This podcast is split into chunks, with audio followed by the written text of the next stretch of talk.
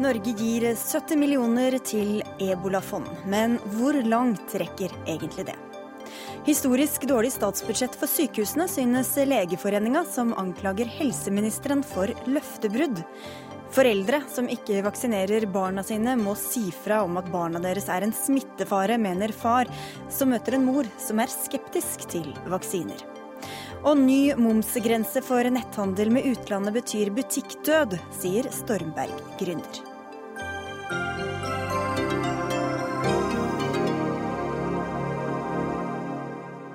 Dette er Dagsnytt 18 på NRK P2 og NRK2, hvor vi også skal bli bedre kjent med vinneren av nobelprisvinneren i litteratur. Jeg heter Sigrid Solund. Norge gir drøyt 70 millioner kroner til et fond som skal hjelpe økonomien i landene som er hardest rammet av ebola. Det kom fram under et møte mellom bl.a. Verdensbanken, Det internasjonale pengefondet og FN i dag. Og du var til stede, utenriksminister Børge Brende, du er med oss på telefon fra USA. Hva skal disse pengene i ebolafondet brukes til? Dette er Verdensbankens fond for bekjempelse av ebola. Dette kommer i tillegg til de ressursene Norge har bidratt med tidligere, 180 millioner kroner. Eh, og eh, det er jo òg nå eh, klart at norsk helsepersonell har meldt seg for helsemyndighetene, opptil 90 stykker, som kan tenke seg å bidra. I tillegg til at vi bidrar med utstyr og ser på mulighetene for å bruke et av Forsvarets Hercules-fly i krisen. Men hva skal dette fondet gå til? Dette fondet eh, skal gå til eh, utstyr, støtte opp om landenes muligheter sjøl å bekjempe ebola. Og dette må nå skje raskt. Vi vet at vi har ingen tid å tape. For hver uke som går, så er det slik at mulighetene for at denne epidemien kommer helt ut av kontroll, eh, økende. Og Det var jo de sterke signalene som kom her i dag òg. At det må handles raskt, og utstyr må være tilgjengelig og pengene må være tilgjengelige. Med de norske bidragene nå, så gir vi mer enn alle de andre nordiske landene til sammen. De vil òg nå øh, øke bidrag, og det er viktig at vi sender signal om at uh, dette er ikke et ansvar for de vestafrikanske landene. Dette har blitt en global krise som trenger global sats for å kunne bekjempe epidemien. Men du sier det haster. Hvorfor kommer disse pengene nå og ikke for flere måneder siden, da det kanskje var lettere å handle også? Jeg tror at uh, vi må evaluere i ettertid uh, den uh, innsatsen og den koordineringa og de initiativene som både kom fra Verdens helseorganisasjon, FN, og andre giverland. Det må vi se på. Og jeg tror, og jeg er helt enig i at disse tiltakene burde kommet tidligere. Men nå eh, må vi ikke evaluere, nå må vi handle. Og Vi har eh, de siste ukene nå sett en helt annen vilje fra verdenssamfunnet til å stille opp. Og Norge skal òg eh, bidra aktivt fremover langs de ulike linjene som er skissert. Men hvorfor har ikke Norge bidratt mer tidligere, da? Ja, Norge har i forhold til mange andre land bidratt relativt mye. Eh, både gjennom samarbeid med de humanitære organisasjonene, gjennom Den afrikanske union og gjennom ganske store økonomiske bidrag. Men vi skal òg gjøre mer, for dette er en epidemi som nå må bekjempes. Det må kjempes eh, raskt. Og med de initiativene som vi tok på begynnelsen av denne uken, så er vi jo òg eh, i den situasjonen hvor vi nå mobiliserer norsk helsepersonell. Som jeg sa, så er det jo 90 stykker som nå har meldt seg for helsemyndighetene. Men det er jo helt vesentlig at vi òg har en eh, logistikk som bidrar til at hvis folk blir smitta, at de kan komme ut. og Der kommer det dette Forsvarets Hercules-fly inn. Og det må koordineres med andre nasjoner, sånn som USA og Storbritannia. Så vi er sikre på at uh, helsepersonellet òg får den oppfølginga og de mulighetene til å evakueres hvis man blir smitta. Dette er en meget alvorlig uh, epidemi, slik at det er et vanskelig logistisk arbeid. Vi har litt skurrete linje på det, Børge Brende, men helt til slutt. Du skal reise ned til Sierra Leone og Liberia neste uke. Hva skal du gjøre der? Det er på en invitasjon fra amerikansk USAID og lederen der, doktor Shah, hvor det er ønske om at vi viser solidaritet til landene. Vi skal være med på å mobilisere for ytterligere bidrag. Og ikke minst eh, så er det viktig at man ser på koordineringa av logistikken og samordninga. Så håper at dette òg kan vise at vi stiller opp ifra det internasjonale samfunn. Og myndighetene både Sierra Leone og Liberia har vært meget positive til at et sånt besøk finner sted. Takk skal du ha, utenriksminister Børge Brende. Du skal haste videre til et annet møte. Men eh, Sebastian Stein, eh, du er feltarbeider i Leger uten grenser, og du reiser også til Liberia i neste uke. Hva synes du om resultatene fra møtet i, eh, i New York i dag? Nei, det er, det er, oppløftende. Det er godt å se at regjeringen endelig har fått opp øynene for alvoret i situasjonen. Pengene er bra, men jeg syns de viktigste tingene i dag er, at, er at nettopp det at regjeringen nå oppfordrer andre land til å også sende personell og utstyr. Eh, og at de fortsetter å, å mobilisere og øke eh, den norske responsen til ebola-utbruddet. Eh, og så er denne nyheten om at 90 norske helsearbeidere nå har meldt seg tilgjengelig, er svært gledelig. Og det vil jeg bare få berømme på det aller sterkeste. Og det er også slik at uh, Leger uten grenser merker en økt pågang fra, fra, givere og folk som ønsker å reise ut. Og dette er vi veldig glad for, selvfølgelig. Åsen Hamnelid, du er generalsekretær i Norges Røde Kors. Dette krisemøtet som var i Washington og ikke New York, som jeg sa. Hva, hva trekker du fram fra det møtet? Jeg er veldig glad for at Norge tar situasjonen så på alvor, og at man bidrar, som utenriksministeren sier her. Uh, det trengs, eh, som Sebastian sier, mer helsepersonell. Eh, og det trengs også mer midler. For kampen mot ebola den må, den må være en felles dugnad fra det internasjonale samfunnet. Og som utenriksministeren sier også, så har storsamfunnet respondert eh, for seint, også mange organisasjoner. Man har ikke klart å skalere opp etter hvert som det har blitt verre og verre. Hvorfor ikke det, tror du?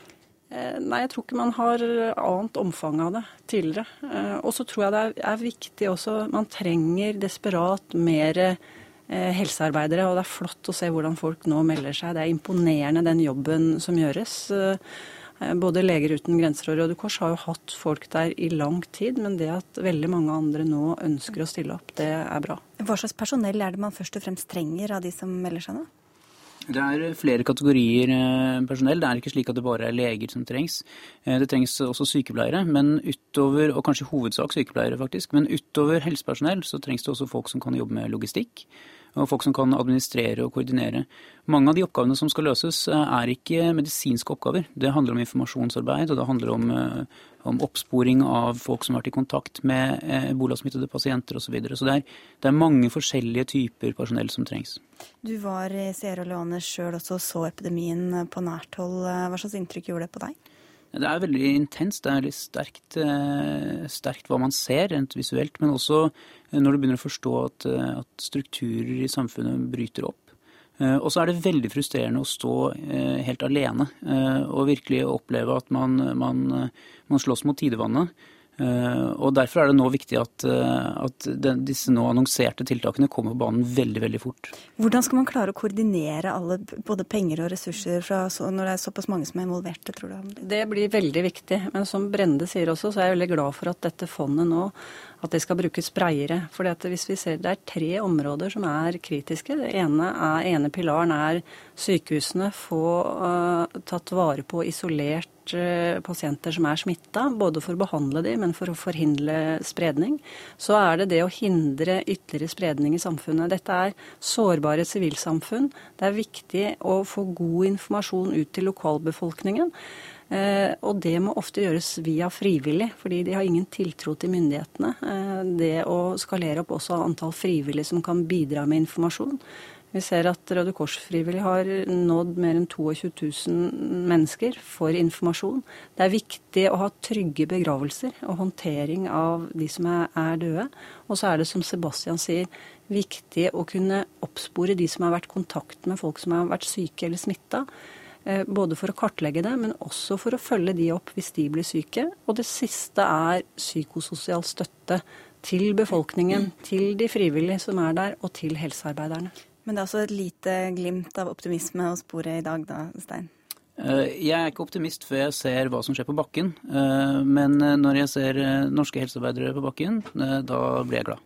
Takk skal dere ha for at dere kom til Dagsnytt 18, Sebastian Stein fra Leger uten grenser og Åsne Havnelid fra Norges Røde Kors.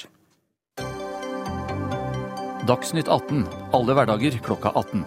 På NRK P2 og NRK2.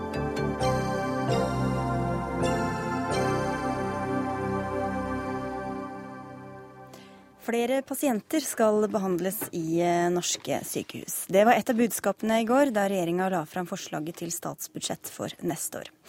Likevel er dere ikke helt fornøyd i Den norske legeforening, der du er president, Hege Gjessing. Og hvorfor er dere ikke det? Det er riktig. Før jeg begynner på det, så vil jeg bare gjerne berømme de 90 helsearbeiderne som nå stiller opp i ebola-epidemien og har sagt seg villige til å reise ut. Det er fantastisk. Det er veldig viktig. Eh, så til helsebudsjettet. Og, og, grunnen til at vi ikke er fornøyd med det, er jo at vi hadde forventninger til en ny retning og en veldig klar offensiv fra helseministeren når det gjaldt sykehussatsingen. Det er fordi han i fjor lovte veldig tydelig og klart at han skulle gi 12 milliarder mer over en fireårsperiode. Eh, fordi han innså og erkjente at det ble brukt for lite penger på sykehus. Det han nå har gjort, er å gi to milliarder, én milliard for lite, for å følge sitt program. Og så legges det opp til en ytterligere effektivisering i sykehusene, og det mener vi at det ikke er rom til. Vi sier at sykehusene er gjennomeffektiviserte sånn som de er nå. Så, men for å ta pengene først, så er det altså et løftebrudd fra Bent Høies side? Det er det vi mener. Hva svarer du på det, Bent Høie? Du er altså helse- og omsorgsminister for dem som ikke har fått med seg det? Ja, Først eh, vil jeg si vi er helt enig med Hege Gjessing at jeg er utrolig, og på vegne av regjeringen utrolig takknemlig for at når vi setter i gang å rekruttere norsk helsepersonell i den vanskelige situasjonen som var over helgen, så er det veldig mange som har meldt seg. og Det viser den idealismen som er eh, hos de som jobber i helsetjenesten vår, eh, og det er vi veldig takknemlige for. Eh, så er jo eh, det helt klart at både Høyre og Fremskrittspartiet hadde offensive løfter for eh, å øke pasientbehandlingen før valget, og jeg mener at det har vi fulgt opp òg etter valget. Det budsjettet som vi har i år, er den høyeste budsjetterte veksten i pasientbehandlingen som noen gang er blitt vedtatt eh, for norske sykehus. Men det er ikke hva du lovte? Og den veksten som vi har foreslått for neste år, er òg veldig høy sammenlignet med tidligere år. Så har jeg òg sagt ja, men den er under det som er lovte. Nå ligger vi, hvis vi ser de to årene i, i, i sammenheng, så ligger vi 700 millioner kroner eh, bak eh, per år. Eh, det er altså i et budsjett på 130 milliarder kroner. Så jeg mener at vi leverer det som vi òg sa før valget, nemlig at vi har behov for og en høyere vekst i sykehusene sin økonomi. Men du leverer vel ikke det du har sagt hvis du har lovet mer penger enn det du leverer? Vi har levert høy vekst. Vi har ikke kommet helt i mål med det som er lovte ved valget, men det er ingen som kan betvile at med det budsjettet som vi legger fram nå, med det budsjettet som vi fikk vedtatt i år, så har vi en høy vekst. Og med de to budsjettene som denne regjeringen har eh, lagt fram og foreslått, så har vi en høyere vekst enn det som den forrige regjeringen klarte å få til gjennom sine åtte år. Der kom det. Men du trodde altså på løftene, Hege Gjessing, fra, fra Høie? det altså? Jeg mener helseministeren var klar i sin erkjennelse om at eh, sykehusene har fått for lite penger over en tiårsperiode, og at de nå er veldig stramt styrt og har behov for mer handlingsrom. Og En av grunnene til at jeg er bekymret over at eh, han ikke følger opp dette, er at det er et veldig høyt eh, beleggsprosent i norske sykehus nå. Det er nesten fullt, helt fullt hele tiden. Og det er så fullt at eh, det er 93% belegg hele tiden. Og det er fare for pasientsikkerheten. Og det bekymrer meg. Hvorfor er det det? Hvorfor kan ikke alle sengene være fulle hele tiden? Det er fordi at eh, da kommer leger bl.a. i samtidighetskonflikter og klarer ikke å ta seg godt nok av alle. Det er ikke nok helsepersonell, leger og sykepleiere til å ta seg av disse. Nå har man begynt å diskutere hvor mange pasienter kan en lege ha ansvar for samtidig på, i, i, mottak for at det skal være forsvarlig. Dette er en helt ny diskusjon som kommer fordi arbeidspresset er så høyt hele tiden. Dette er vist i undersøkelser at andelen feil øker når det er så fullt.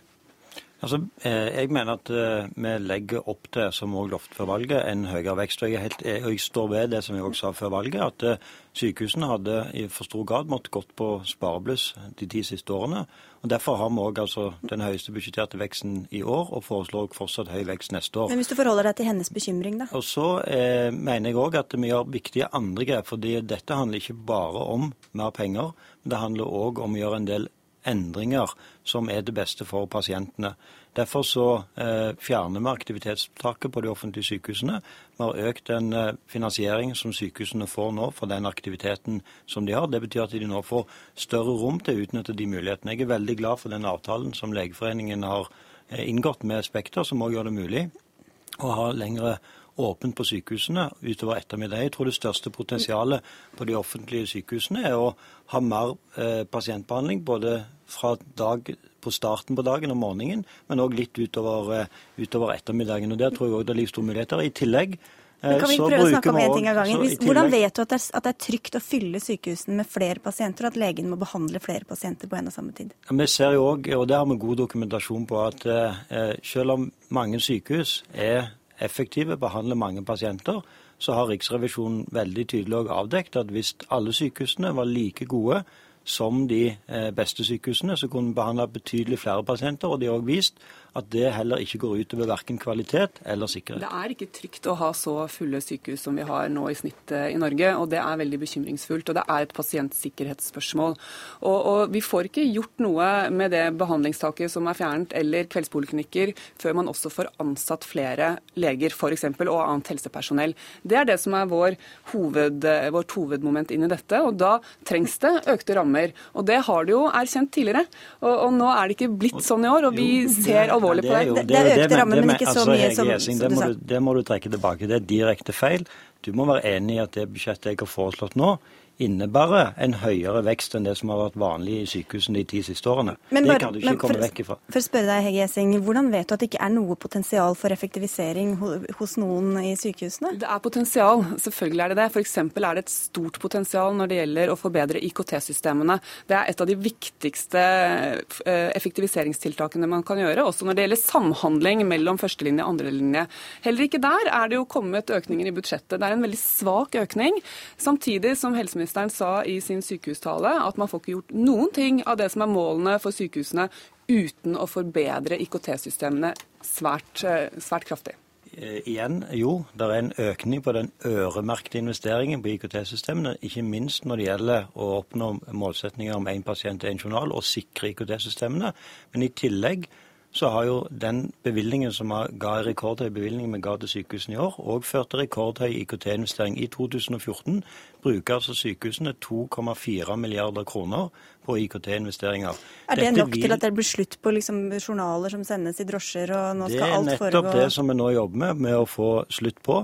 Eh, nettopp for å forbedre disse IKT-systemene. Jeg er helt enig. Skal vi realisere pasientens helsetjeneste, så må vi ha helt andre, både mer moderne og mer sikre IKT-systemer enn, det som vi har, eh, har nå. Og Så er det òg mulig å jobbe eh, på en annen måte. Det er jo det som vi nå ser på på kreftområdet ved å innføre pakkeforløp for kreft. og det vi ser der, er at Hvis en har en mer systematisk tilnærming til måten en sikrer pasientforløpet på gjennom sykehusene, så blir det bedre kvalitet. Mer interessant for eh, Legeforeningen sine medlemmer som jobber i sykehusene, og pasientene blir mer fornøyde. Så vi må òg tenke nye måter å jobbe på. Det er dere sikkert enige men hvordan, altså, kan du helt sikkert si at alle de grepene dere tar, ikke går ut ved pasientsikkerheten, sånn som Legeforeninga er bekymra for? Tvert imot. Det vi gjør nå, det er å jobbe med å intensivisere arbeidet med pasientsikkerhet. Og der er jo og Gjessing meg helt enig, nemlig at det ikke minst handler om å tydeliggjøre at det er et lederansvar i, i sykehusene våre. Og jeg mener at eh, pasientsikkerhet i altfor stor grad har blitt skjøvet ned som et ansvar på de som jobber med pasientene. Der må det være et tydelig lederansvar. Det har jeg tatt opp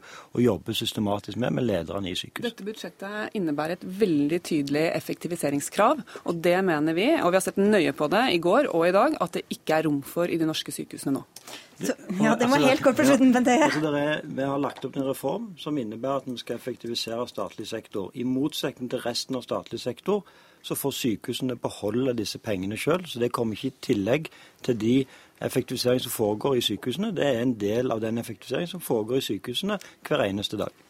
Vi er nødt til å avslutte. Jeg ser du har innvendinger, Hegge Hessing. Du er hjertelig velkommen til å komme tilbake til dem en annen dag. Takk skal dere ha for at dere kom til Dagsnytt 18.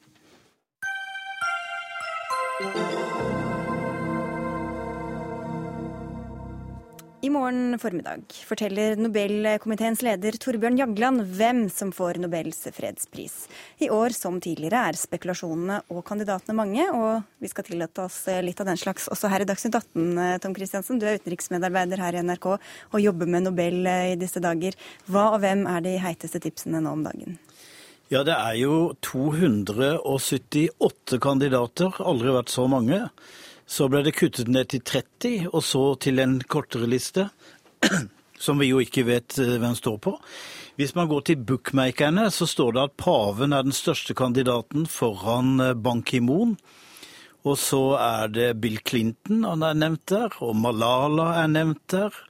Og Edward Snowden står på listen. Og Helmut Kohl, som hadde en rolle da muren falt i Berlin. Eh, men Du har kanskje Jeg ikke kan- lov til å, til å vedde, men hvis du måtte Nei, vet du, jeg har aldri vært så i tvil selv som, som i år, og det skyldes at signalene fra komiteen har vært eh, svært eh, skrinne. Selv kroppsspråket til Geir Lundestad, sekretæren, er umulig å tolke i år. Han ler like høyt og hysterisk uansett hvilket navn du nevner, så jeg stoler ikke på noen ting. Går det an å si eh, om noen er ute av dansen så langt, da? Jeg tror det går an å si at eh, Snowden er ute av dansen. Han har vært på komiteens bord. Varsleren som eh, jo lekket alle dokumentene og avslørte amerikansk overvåking. Eh, Komiteen har hatt sans for viktigheten av det han har gjort.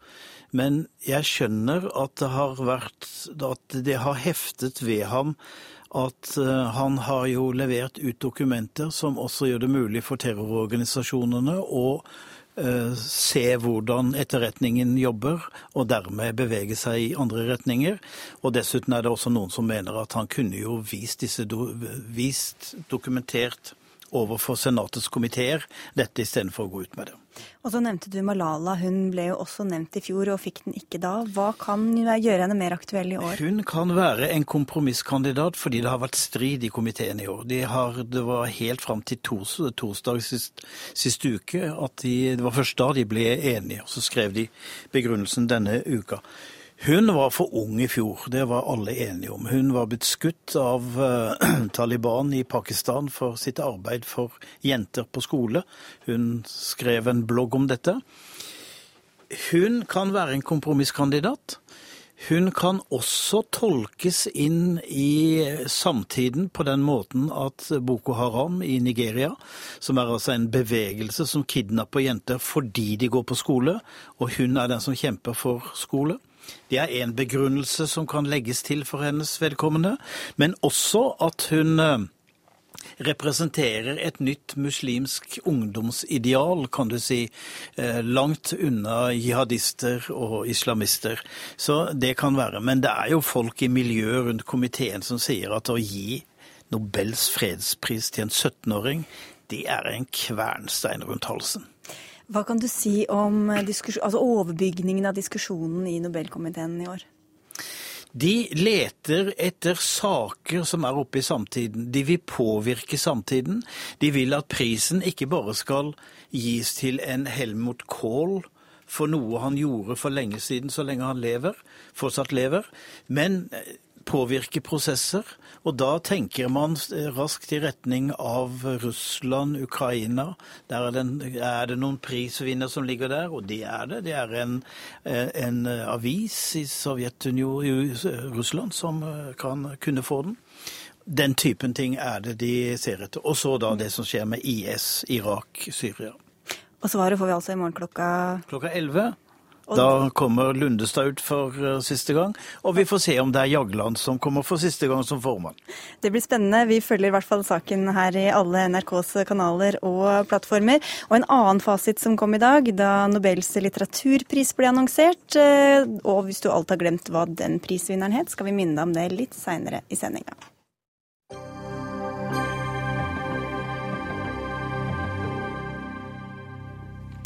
Snart kan du handle for 500 kroner fra utlandet uten å betale moms. I hvert fall hvis regjeringa får igjennom det punktet i neste års statsbudsjett. Der den foreslo å mer enn doble dagens momsfrie grense på 200 kroner. Men mens en del forbrukere fryder seg, er det andre som fortviler. Steinar Olsen, du er gründeren bak Stormberg, som selger fritidsutstyr og klær både på nettet og i butikker.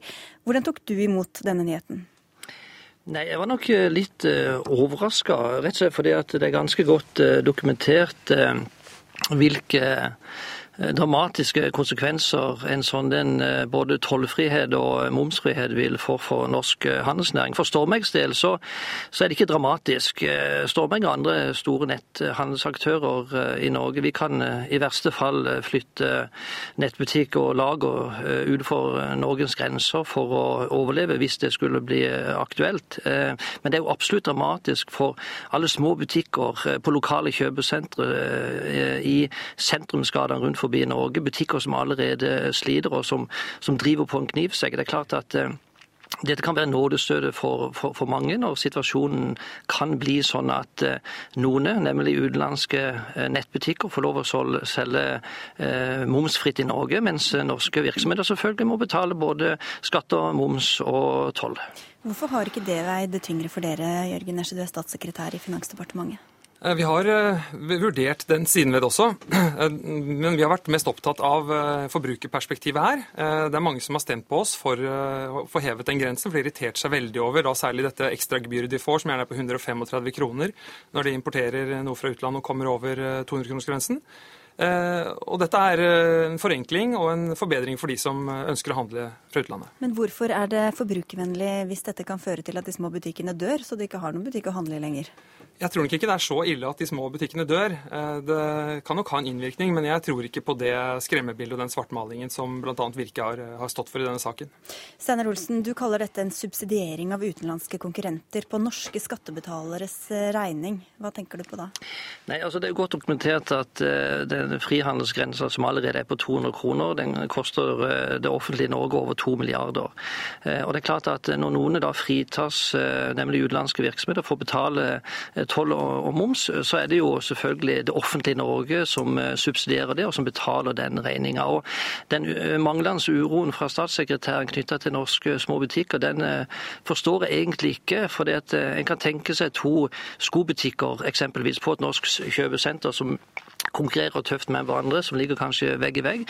Den ene av skobutikkene får faktisk, hvis dette skal gå gjennom, lov til i prinsipp å selge varene sine uten å verken betale toll eller betale moms. Bare momsen utgjør 25 Det er stort konkurransefortrinn. Og Sånn er det i netthandelsverdenen. Folk sitter og velger nettbutikker hjemme på PC-en sin. De kan kjøpe fra en engelsk, en svensk, en kinesisk eller en norsk virksomhet. Og det er klart at eh, Hvis det er tre av de da som slipper å betale moms og toll til Norge, så er det ingen tvil om hvem forbrukere i større grad vil velge fremover. Så dette er en konkurransevridning som vil få konsekvenser dessverre for veldig mange norske virksomheter. Etter at de til og med kanskje har vært i skobutikken og prøvd skoene de senere bestiller fra nettet, Nesje. Hvorfor, eh, hvorfor legger dere opp til det? Grensen økes fra 200 til 500, og da er det inkludert uh, frakt.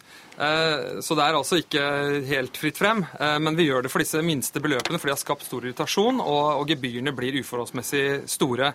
Eh, så tror jeg at mange setter pris på den lokale butikken som har nærhet, har god kundebetjening. Jeg tror ikke bare alle flyr til, ja, til PC-en og bestiller over utlandet. Jeg tror folk setter pris på den nærheten.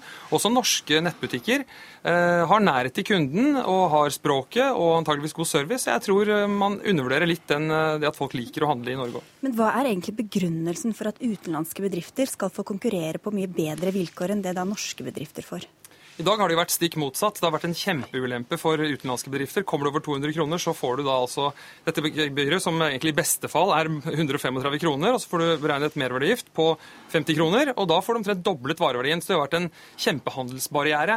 Og det blir urimelig, og det, det har vi lyst til å gjøre noe med. Nå er det en som sitter og rister veldig på hodet. Jeg må introdusere deg før du begynner å snakke. Harald Andersen, du er samfunnspolitisk eh, direktør i, i Virke, altså næringsorganisasjonen som allerede har vært introdusert her. Kjør på! Ja, det er klart, Nå begynner det å koke i topplokket her. Eh, og vi må, jo, vi må jo si at vi var, var, svært overrasket da denne nyheten eh, kom. Eh, jeg forstår jo selvfølgelig at dette dette er moro for forbrukeren. Hvis du spør en forbruker om du vil ha 100 kroner, så svarer de aller fleste ja. Men eh, dette er dyr moro på bekostning av AS Norge. Dette kommer til å koste oss tusenvis av arbeidsplasser og milliarder i tapte skatte- og avgiftsinntekter. Og jeg må si at jeg stusser veldig når jeg hører Nesje si at dette har de vurdert grundig. Jeg klarer ikke å se at det foreligger noen som helst vurdering av hvilke konsekvenser dette vil ha for norsk varehandel, Norges største næring. Vi eh, ba om et møte med politisk ledelse i Finansdepartementet i våres fordi vi ønsker å fjerne denne 200-kronersgrensen. Vi ønsker at det skal være moms fra første krone, nettopp for å, for å sikre like konkurransevilkår mellom norske og utenlandske aktører. For allerede i dag så innebærer jo 200-kronersgrensen en subsidiering av utenlandske konkurrenter. Da svarer Finansdepartementet ved politisk ledelse oss i brev av 3.6 at dels hadde de ikke mulighet til å møte oss fordi de satt og utredet dette. Og så skriver de videre tollgrensene bør ligge på et nivå som sikrer god balanse mellom hensynet til forbrukere og norsk næringsliv. Det er derfor viktig med en grundig vurdering av hva slags konsekvenser en eventuell økning vil kunne få. Jeg klarer ikke å se at de har lagt fram en grundig vurdering. Jeg må si, jeg syns jo ikke Virkes forslag er spesielt godt heller. Eh, her eh, vil de da momse fra første, første krone. Ja. Fra første krone, og du får gebyret på 135. Kjøper du til 10 kroner, så får du 135 kroner minst i gebyr, og så får du mervergiften. Det er jo en, en kjempe, kjempeforhøying av det beløpet du betaler. Du trodde du kjøpte noe til 10 kroner, og så koster det nesten 200 kroner. Det er ikke bra for forbrukeren, og det er ikke forenklende, og det er en stor handelsbarriere. Så det er ikke et godt forslag. Jeg er helt enig i at problemet i dag er at fortollingsgebyret til Posten er altfor høyt. Så det vil ha bort. Det vil ha bort. Og når man får til dette her i Sverige, som har moms fra første krone, så må vel en regjering som har stor tiltro til bruk av ny teknologi, klare å få til dette også i Norge. Og før man har klart å få det til, så må du i hvert fall ikke rasere rammebetingelser for Norges største næring. Den koster tusenvis av arbeidsplasser. Og må huske at dette er også den næringen som i størst grad hjelper med regjeringen med å få folk som har vanskelig for å komme inn i arbeidslivet, inn i arbeidslivet. Det er, no, det, det, det er det jeg ønsker dere for øvrig har. Men den porten den gjør dere nå også smalere. Hvorfor prioriterer dere forbrukere framfor norsk næringsliv her, da, Nesje? Det er veldig mange som har eh, ønsket å heve denne grensen. eh, Både til 500 og til 1000 kroner. Vi satte den til 500, og vi syns det er en god balanse. Eh, og Mange har stemt på oss, og vi leverer nå på det. Eh, og så gjelder det denne grensen Som har stemt på dere, da. Altså, Hva dere har jo ellers også stor omsorg for norske bedrifter. Hvorfor har ikke det veid tyngre for dere her? Vi, det har, har veid i den, eh, den form at vi ikke har satt beløpet høyere. Så vi har funnet en god balanse på 500, syns vi. Og så har, eh, har jo også tollmyndighetene laget en løsning på nett hvor du kan fortolle selv. Eh, Men da får man fortsatt dette gebyret, så vi har prøvd å lage en sånn type løsning. Men det, det har altså ikke hjulpet, for vi styrer ikke fraktselskapene og hva de tar i gebyrer. Jeg bare følger opp ett spørsmål til. Altså, fordi Hvorfor kan dere ikke da fjerne dette gebyret som, som Virke foreslår, og så bare ha moms, lik moms på alle varer, enten de er herfra eller derfra? Det er en viktig eh, detalj her. fordi Gebyret er ikke noe som Finansdepartementet krever inn. Det er et gebyr eller en betaling for den innfortollings- eller innførselstjenesten som fraktselskapene driver. Så vi kan ikke styre fraktselskapene og si at dere får ikke lov til å ta betalt for den tjenesten. Ja, Steinar Olsen, kom igjen. Ja, men det, det som Finansdepartementet faktisk kan gjøre, det er noe som vil være en fordel for eh, alle norske forbrukere. Ikke bare de som handler på nett, men de som eh, handler også i fysiske butikker foretrekker det.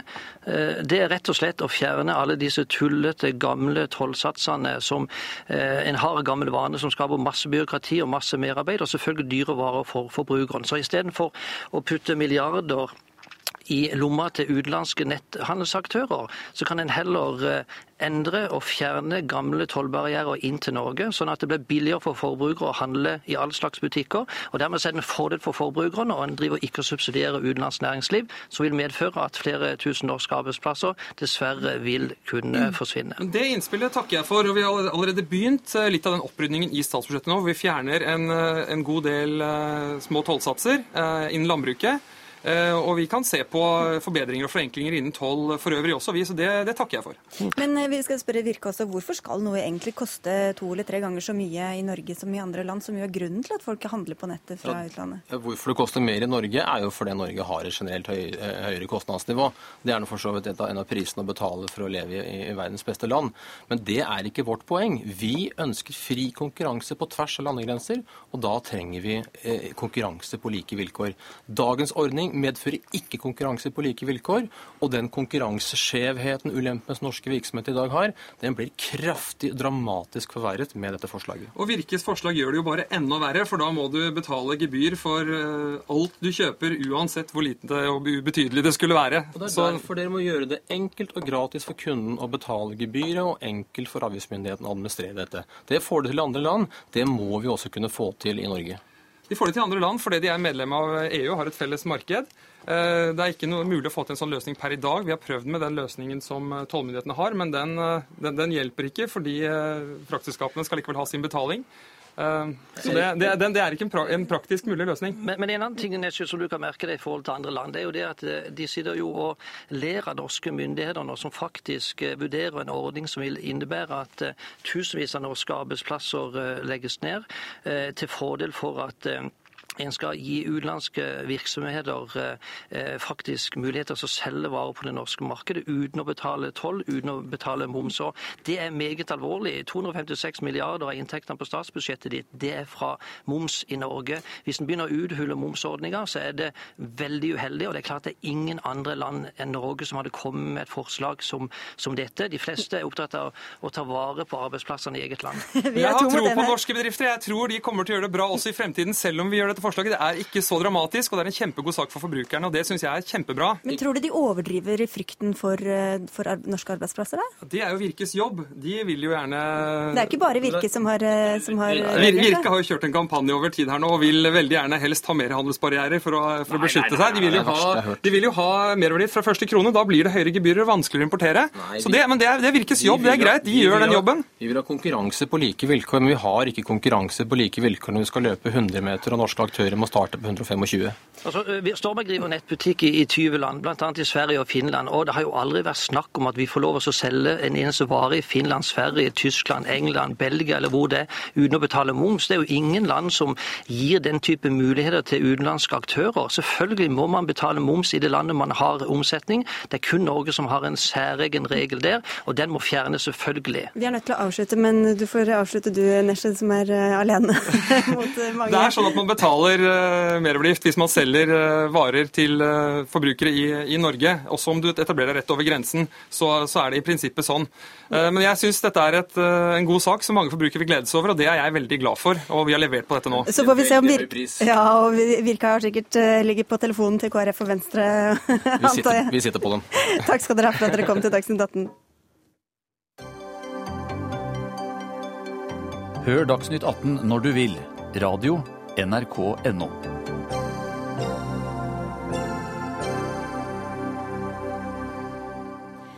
Natos generalsekretær Jens Stoltenberg er i Tyrkia for å diskutere hva forsvarsalliansen kan gjøre i kampen mot terrorgruppa IS. IS-opprørere forsøker å ta kontroll over en syrisk grenseby bare noen kilometer fra den tyrkiske grensa. Tyrkia har tidligere sagt at det ikke er realistisk at de vil gjennomføre en bakkeoperasjon på egen hånd mot IS. NRK-korrespondent Åse Marit Befring, du snakket med Jens Stoltenberg eh, for kort tid siden. Hva har han sagt? Åse-Marit? Oi, jeg tror vi har kontakt med det ytre rom. Vi kan vente litt med, med oss Marit Befring, og så kan vi gå til deg, eh, Ola Tunander, professor ved Fredsforskningsinstituttet PRIO. Hvilke, har, hvilke alternativer har Jens Stoltenberg egentlig for å beskytte Nato-medlemmet Tyrkia mot IS?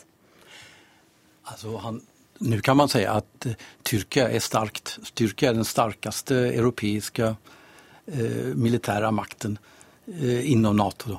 Og, eh, så att Tyrkia klarar det mycket väl själv. Men eh, sen för legitimitetshänseende, for, for moralisk støtte, så, så er det viktig. Altså. Vi har fått med oss eh, også Marit Befringen. Hva sa Jens Stoltenberg til deg da, snak, da du snakket med ham for litt siden?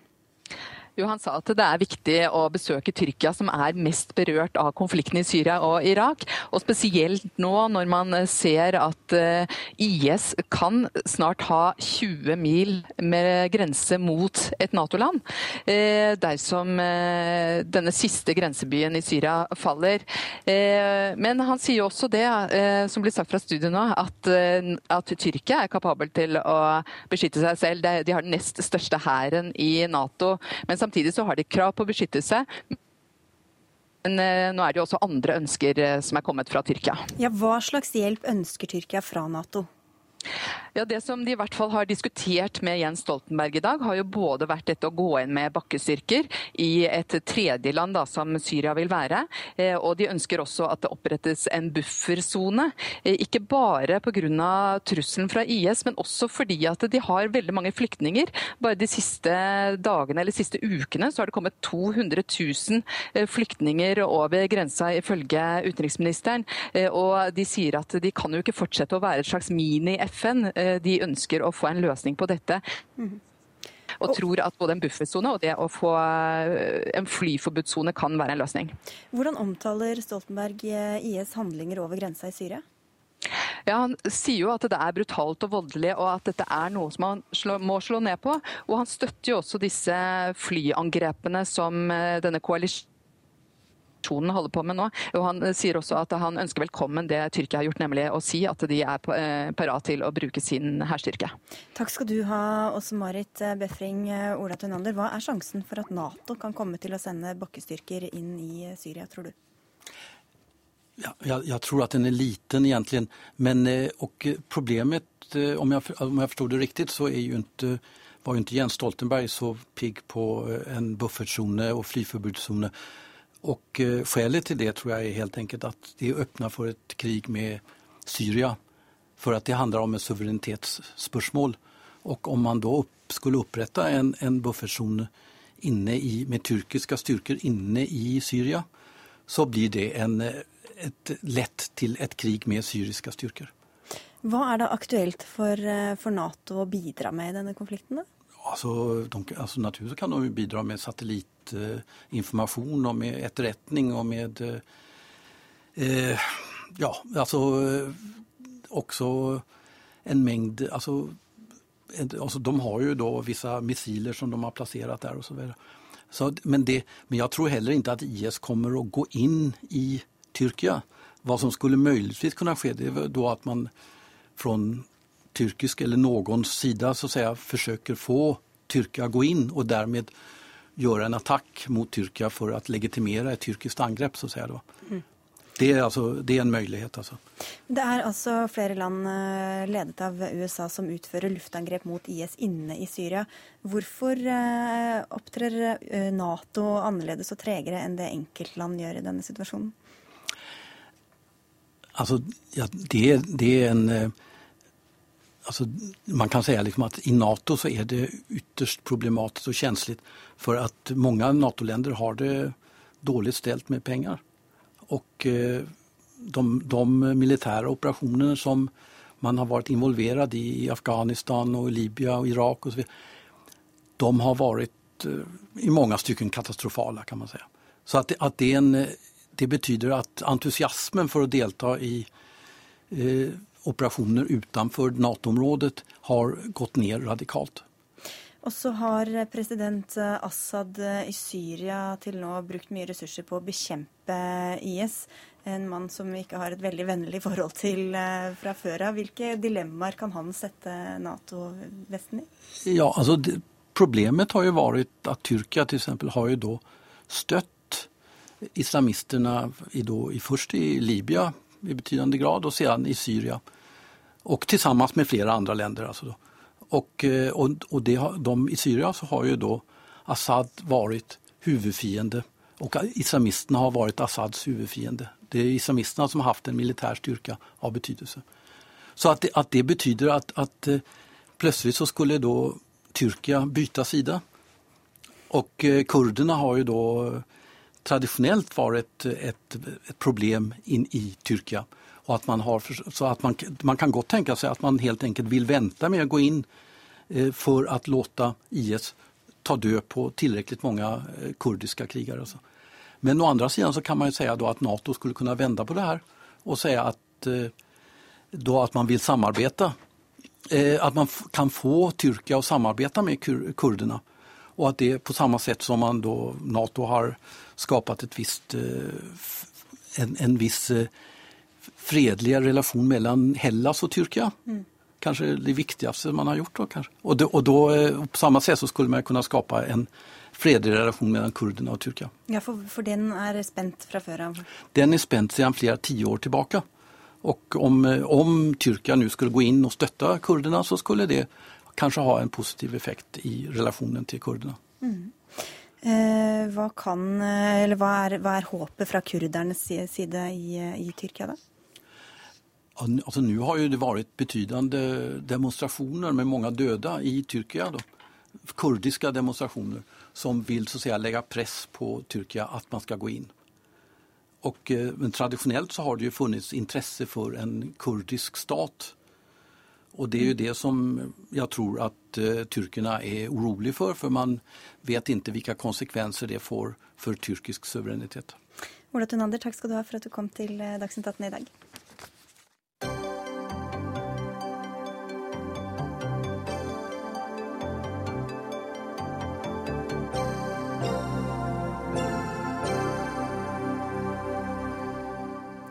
Mens eh, verdenssamfunnet kjemper for å utrydde sykdommer fra fattige deler av verden, er de samme sykdommene på vei tilbake i Vesten og Europa. Bl.a. fordi noen velger å ikke ta vaksiner. I TV-programmet Folkeopplysningen her på NRK på søndag sto flere nordmenn fram som vaksineskeptikere, noe som vakte bestyrtelse hos flere. Christer Alexander Jensson, du er far og jurist, og i Aftenposten i dag skriver du at vaksinenekt er med på å ødelegge flokkens immunitet. Hva mener du med det? Vel, flokkimmunitet er ganske enkelt det at eh, jo flere personer som er vaksinert mot en gitt sykdom, desto færre personer kan smittes av den sykdommen. Det betyr basically at eh, personer som er vaksinert, beskytter personer som ikke kan eller ikke vil vaksinere seg, ved at det er færre eh, skal man si, stepping stones for en sykdom som ønsker å spre seg i en befolkning. Og det funker så lenge du har en tilstrekkelig høy prosentandel av befolkningen som faktisk vaksinerer seg. Så det å, det å velge å ikke vaksinere seg, det er, et, eh, det er en luksusholdning. Det fungerer så lenge det ikke er veldig mange som gjør akkurat det. Mm. Og utfordringen blir da, for det første, en vaksine er ikke 100 den tar ikke alt. Så jo flere sånne stepping stones for en sykdom, desto større er sjansen for at den sykdommen kan mutere i en person til noe vaksinen ikke dekker. Og dermed da smitte vaksinerte personer. Så du mener at de ødelegger, eller potensielt ødelegger for de andre, de som velger å ikke gi barna vaksine? Ja, eh, først og fremst. Altså mest direkte så risikerer jo da eh, de som ikke kan vaksinere seg, eh, personer med autoimmune sykdommer eller sterkt nedsatt immunforsvar, de kan jo bli smittet av sykdommen som den er. Men også du og jeg risikerer smitte f.eks. For fordi ved at eh, sykdommen får en økt yngleplass, særlig hvis det er mange som ikke vaksinerer seg i et spesielt eh, område, slik at sykdommen kan hoppe fra person til person, så kan eh, en sykdom mutere slik at den også smitter oss. Mm. Sølje Bergman, du er skuespiller og du er mor, og du har valgt å ikke la dine barn følge alle deler av vaksinasjonsprogrammet. Hva synes du om at det også kan gi en risiko for andre? Jo, nei, altså Etter jeg har hørt på eh, det han har å si nå, som jeg, eh, jeg sier at jeg syns debatten kanskje nå begynner å ta litt av i forhold til en sånn fryktmentalitet. Fordi eh, det som jeg synes er veldig viktig å understreke her, for det første snakker jeg selvfølgelig bare på vegne av meg selv og mine valg, men det at jeg velger å ikke ta gi barna alle vaksinene i barnevaksineprogrammet, det er mitt personlige valg, og det, det handler eh, om at jeg ikke er redd for disse sykdommene. Og jeg prøver ikke å ri på en bølge av at alle de andre tar vaksine, derfor slipper jeg fri. Eh, jeg er ikke redd for at barna mine får eh, disse vaksinene. Og når han da Sykdommene, mener du? Ja, sykdommene mener jeg. Og når han eh, sier det han sier nå, så syns jeg det skaper mer sånn fryktmentalitet rundt det. Altså det er ikke lovpålagt å ta disse vaksinene. Det er ikke noe som de som velger å ikke gi vaksine til barna sine, prøver ikke på noen måte å hemmeligholde det, vil jeg tro. Jeg ville synes det vært veldig rart hvis man først tar et så, såpass, eh, eh, hva skal jeg si, sterkt standpunkt i dagens samfunn her i Norge, så vil jeg tro, jeg synes at det er veldig rart hvis det er noe de skulle prøve å unngå å fortelle offentligheten, og jeg er også en av dem som ikke har noe problem å si at jeg har tatt de valgene, og jeg føler ikke at jeg skaper den type risiko som jeg syns han prøver å illustrere her. Fordi det er frivillig. Det må vi huske på. altså. Mm. Barnevaksineprogrammet er frivillig. Og Hvorfor skal ikke foreldre kunne ta de valgene de mener er best for sine barn, Jensen? Vel, det, Den enkelte forelder må jo ta de, de, valgene som den enkelte mener er best for sine barn. Poenget er at det, det finnes valg som får den konsekvensen at Eh, at man øker risikoen for andre barn, for andre personer, og også for vaksinerte personer.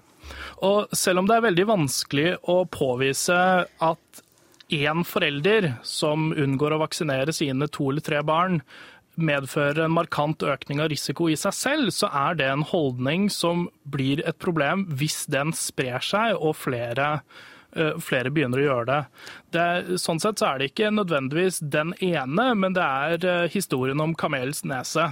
Først slapp du nesa inn, og så kom hodet, og så, siden du aldri sa stopp, så plutselig hadde vi et eh, massivt utbrudd av meslinger fordi under 50% vaksinerte barna sine mot meslinger, som vi så på, for 14 år siden da Eh, da Wakefield rådde grunnen og folk ble redde for å vaksinere. Bergman, Hva tenker du om det, om det kollektive ansvaret? da? Hvordan ser du på det? Jeg mener at vi fremdeles lever i et demokratisk land, eh, og jeg kan ta mine personlige valg der jeg har muligheten til det. Og jeg syns det er igjen et sånt eh, Det er pressmidler og det er samfunnsøkonomi og alt sånt som fører til at man skal føle det presset og ta vaksinene, kanskje mer enn faren for disse sykdommene. Jeg selv er et eksempel på en som har hatt meslinger. Jeg har hatt alle eh, barnesykdommene. Og jeg syns bare at det er synd at vi nå skal gjøre dette til et sånn kollektivt valg for foreldre i dagens samfunn at de skal føle at de gjør noe galt hvis de ikke velger å gi barna sine vaksiner. For som jeg sa tidligere, dette er helt frivillig. Så nå, det er det jeg mener at den debatten tar litt av, for jeg syns ikke dette er så uh, svært. Og vi kan ikke snakke Vi lever i Vesten. Vi lever, vi har gode sanitære forhold. Vi har, uh, så det er veldig mye som skal til for at disse faktisk sykdommene får uh, døds...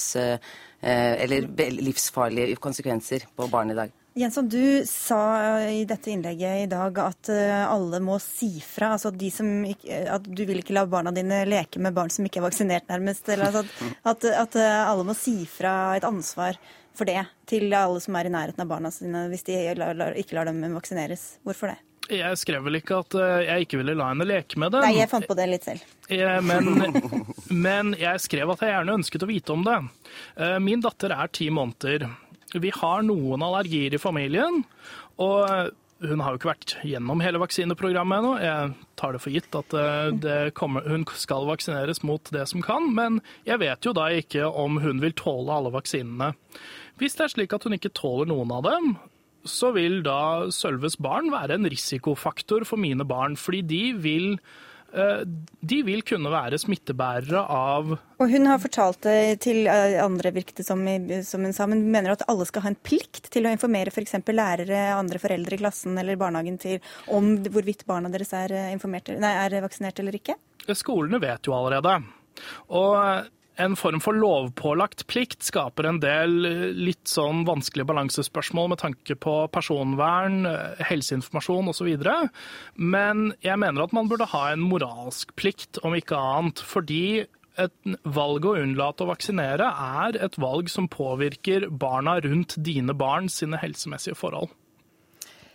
Ja, igjen så syns jeg at dette blir veldig sånn skremselspropaganda. Vi, eh, vi, står fritt til å velge, og jeg respekterer den individuelle eh, forelder som skal ta disse valgene for sine barn. Og eh, jeg tror ikke jeg går med på engang å prøve å forsvare meg på at jeg er uansvarlig mor hvis mine barn som ikke er vaksinert, leker med andre barn. Er, den, er, den, er, ganske drøy. Men syns du at man har en moralsk plikt til å si fra om det da, til andre foreldre? Ja, men jeg tror ikke det dreier seg om Jeg tror ingen som, har, eh, som ikke gir vaksine, har problem med å snakke om det. Men hvorfor i all verden skal det være en agenda at man skal gå rundt hele tiden og snakke om har du gitt eller har du ikke gitt? Tenk deg alt det vi skal gjøre om da i dagens samfunn. Da blir det igjen en sånn eh, Da blir vi litt paranoide, rett og slett. Det er barnesykdommene vi snakker om. Det er ikke de store, farlige epidemiene. Bare for å ha nevnt noe der. Årsaken til at de heter barnesykdommer, er fordi barn pleide å dø av dem. Det er ikke fordi det var barn som fikk dem, fordi voksne kan også smittes av barnesykdommer. Ja, men de stort sett de fleste får det i barndommen og går gjennom det og gjennom de sykdommene da, og da har de styrke nok til å komme seg gjennom det. Vi får avslutte der og si tusen takk for at dere kom til Dagsnytt 18, Christer Alexander Jensson og Sølje Bergman.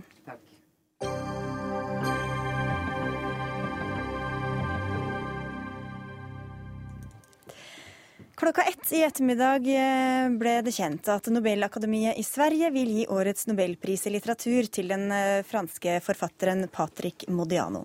Hvem, sier du? Da er du ikke alene. Sist bøkene hans kom ut på norsk, var i 1988. Men du, Geir Usløk, du forsker på fransk litteratur og vet godt hvem Modiano er. Hvordan vil du beskrive forfatterskapet hans? Eh, det er altså Nobelkomiteen snakket om erindringens kunst når de uh, kunngjorde at han hadde fått prisen. Og jeg tror det er et godt sted å begynne. For det er en uh, forfatter som er veldig viktig, som er veldig opptatt av uh, historie. og det at ting ikke skal gå glemt. opptatt av minne. Han, flere av romanfigurene hans prøver å definere seg selv i historien. Noen av dem har hukommelsestap og prøver å finne ut av hvem de er. Og han skriver mye om historiske hendelser. Han er uh, særlig opptatt av andre verdenskrig. Også med bakgrunn i sin egen historie, har vi forstått? Uh, ja, det også. Han ble født, eller altså til en viss grad. Han ble født i 1945, så han er født etter krigen. Men foreldrene hans møttes i Paris uh, under okkupasjonen, så, og han sier selv at han vokste opp da i et miljø der hvor man snakket veldig mye om dette. Eh, og dermed så fikk han det liksom litt under huden. Eh, han sier selv at han i barndommen ikke klarte å skille sine egne minner fra det han hadde hørt om andre verdenskrig. Så han er, og så senere har han da lest enormt mye om det. Mm. Og bøkene hans henger sammen på et vis, eh, har du også sagt? Ja, mange. Særlig av de senere bøkene hans. Han, man deler ofte forfatterskapet hans i to perioder. De første fire-fem bøkene eh, handler særlig om andre verdenskrig eh, og om det vi kaller kollaborasjon i Frankrike, altså, altså franskmenn som samarbeidet med nazistene. Veldig provokative bøker, som også skapte skandale da de kom. Da de kom. Dette var i, Han debuterte i 1968, og da var fremdeles altså kollaborasjonen var et, noe man helst ikke snakket om i Frankrike på mm. den tiden. Eh, den andre delen eh, er mer personlig. Eh, den innledet han med en roman som heter 'Ville trist', som kom i 1975. Og der begynner han en slags fortelling som han gjentar i flere andre bøker. Det er en slags intrige som går igjen i alle bøkene. Eh, det handler ofte om en eh, mann som reiser tilbake, eller tenker tilbake på et sted han var som ung mann, eh, og en kvinne han møtte der. Ofte er det en kjærlighetshistorie med i bildet. Og det er altså, Mange av bøkene hans virker som veldig sånn, enkle, simple bøker, men under overflaten så er det et sånn vell av historiske referanser og litterære referanser. Og mens det var litt sånn hæ hos veldig mange nordmenn i dag, så var det et aha hos deg. Ja, eller, Hvordan snublet du over ham i utgangspunktet? Uh, ja, eller for meg var det mer et uh, endelig. Uh, for jeg syns det er en forfatter som fortjener å bli trukket fram litt i lyset. Jeg leste han første gang helt tilfeldig i Frankrike på begynnelsen av 2000-tallet. Hans andre roman var det. Den heter La Ronde de Nuit, som kan oversettes med Nattevakten. Eh, som handler om eh, en eh, landssviker da, i Frankrike under andre verdenskrig. Men det er mange av bøkene som ikke er oversatt til norsk. Hvorfor det, tror du? Det vet jeg ikke. Altså, det, er, det, er, veldig mange franske forfattere, så hvis man skulle oversette alle Jeg, jeg ville jo likt det. Men, du har tilbudt deg selv òg, eller? Ja, jeg foreslo for noen år siden å oversette Modiano, men det var ikke noen særlig interesse. Og det kan man jo for så vidt forstå, for det, altså, han er veldig godt kjent i Frankrike. Men det er selvfølgelig alltid risikabelt uh, for norske forlag. Altså, de tenker jo på å tjene penger på det. Uh, men det kan hende de får fart på seg nå, da. Ja, man får jo håpe det. og hva vil du da anbefale norske lesere som har fattet en interesse for ham, å gå i gang med? Ja, altså, de, Det er tre bøker av ham som er oversatt til norsk. Den mest kjente av dem er en som på norsk heter 'Gater i mørket'. som han fikk Goncourt-prisen for i 1978. Som nettopp det er en historie om en mann som har hatt hukommelsestap, og som prøver å liksom finne tilbake til seg selv. Vi får la det være med den anbefalingen. Tusen takk skal du ha, Geir Ufsløk. Dagsnytt 18 er over for i dag. Det var Alf Hartgen som hadde ansvaret. Lisbeth Sellereite var tekniker, og jeg heter Sigrid Solund.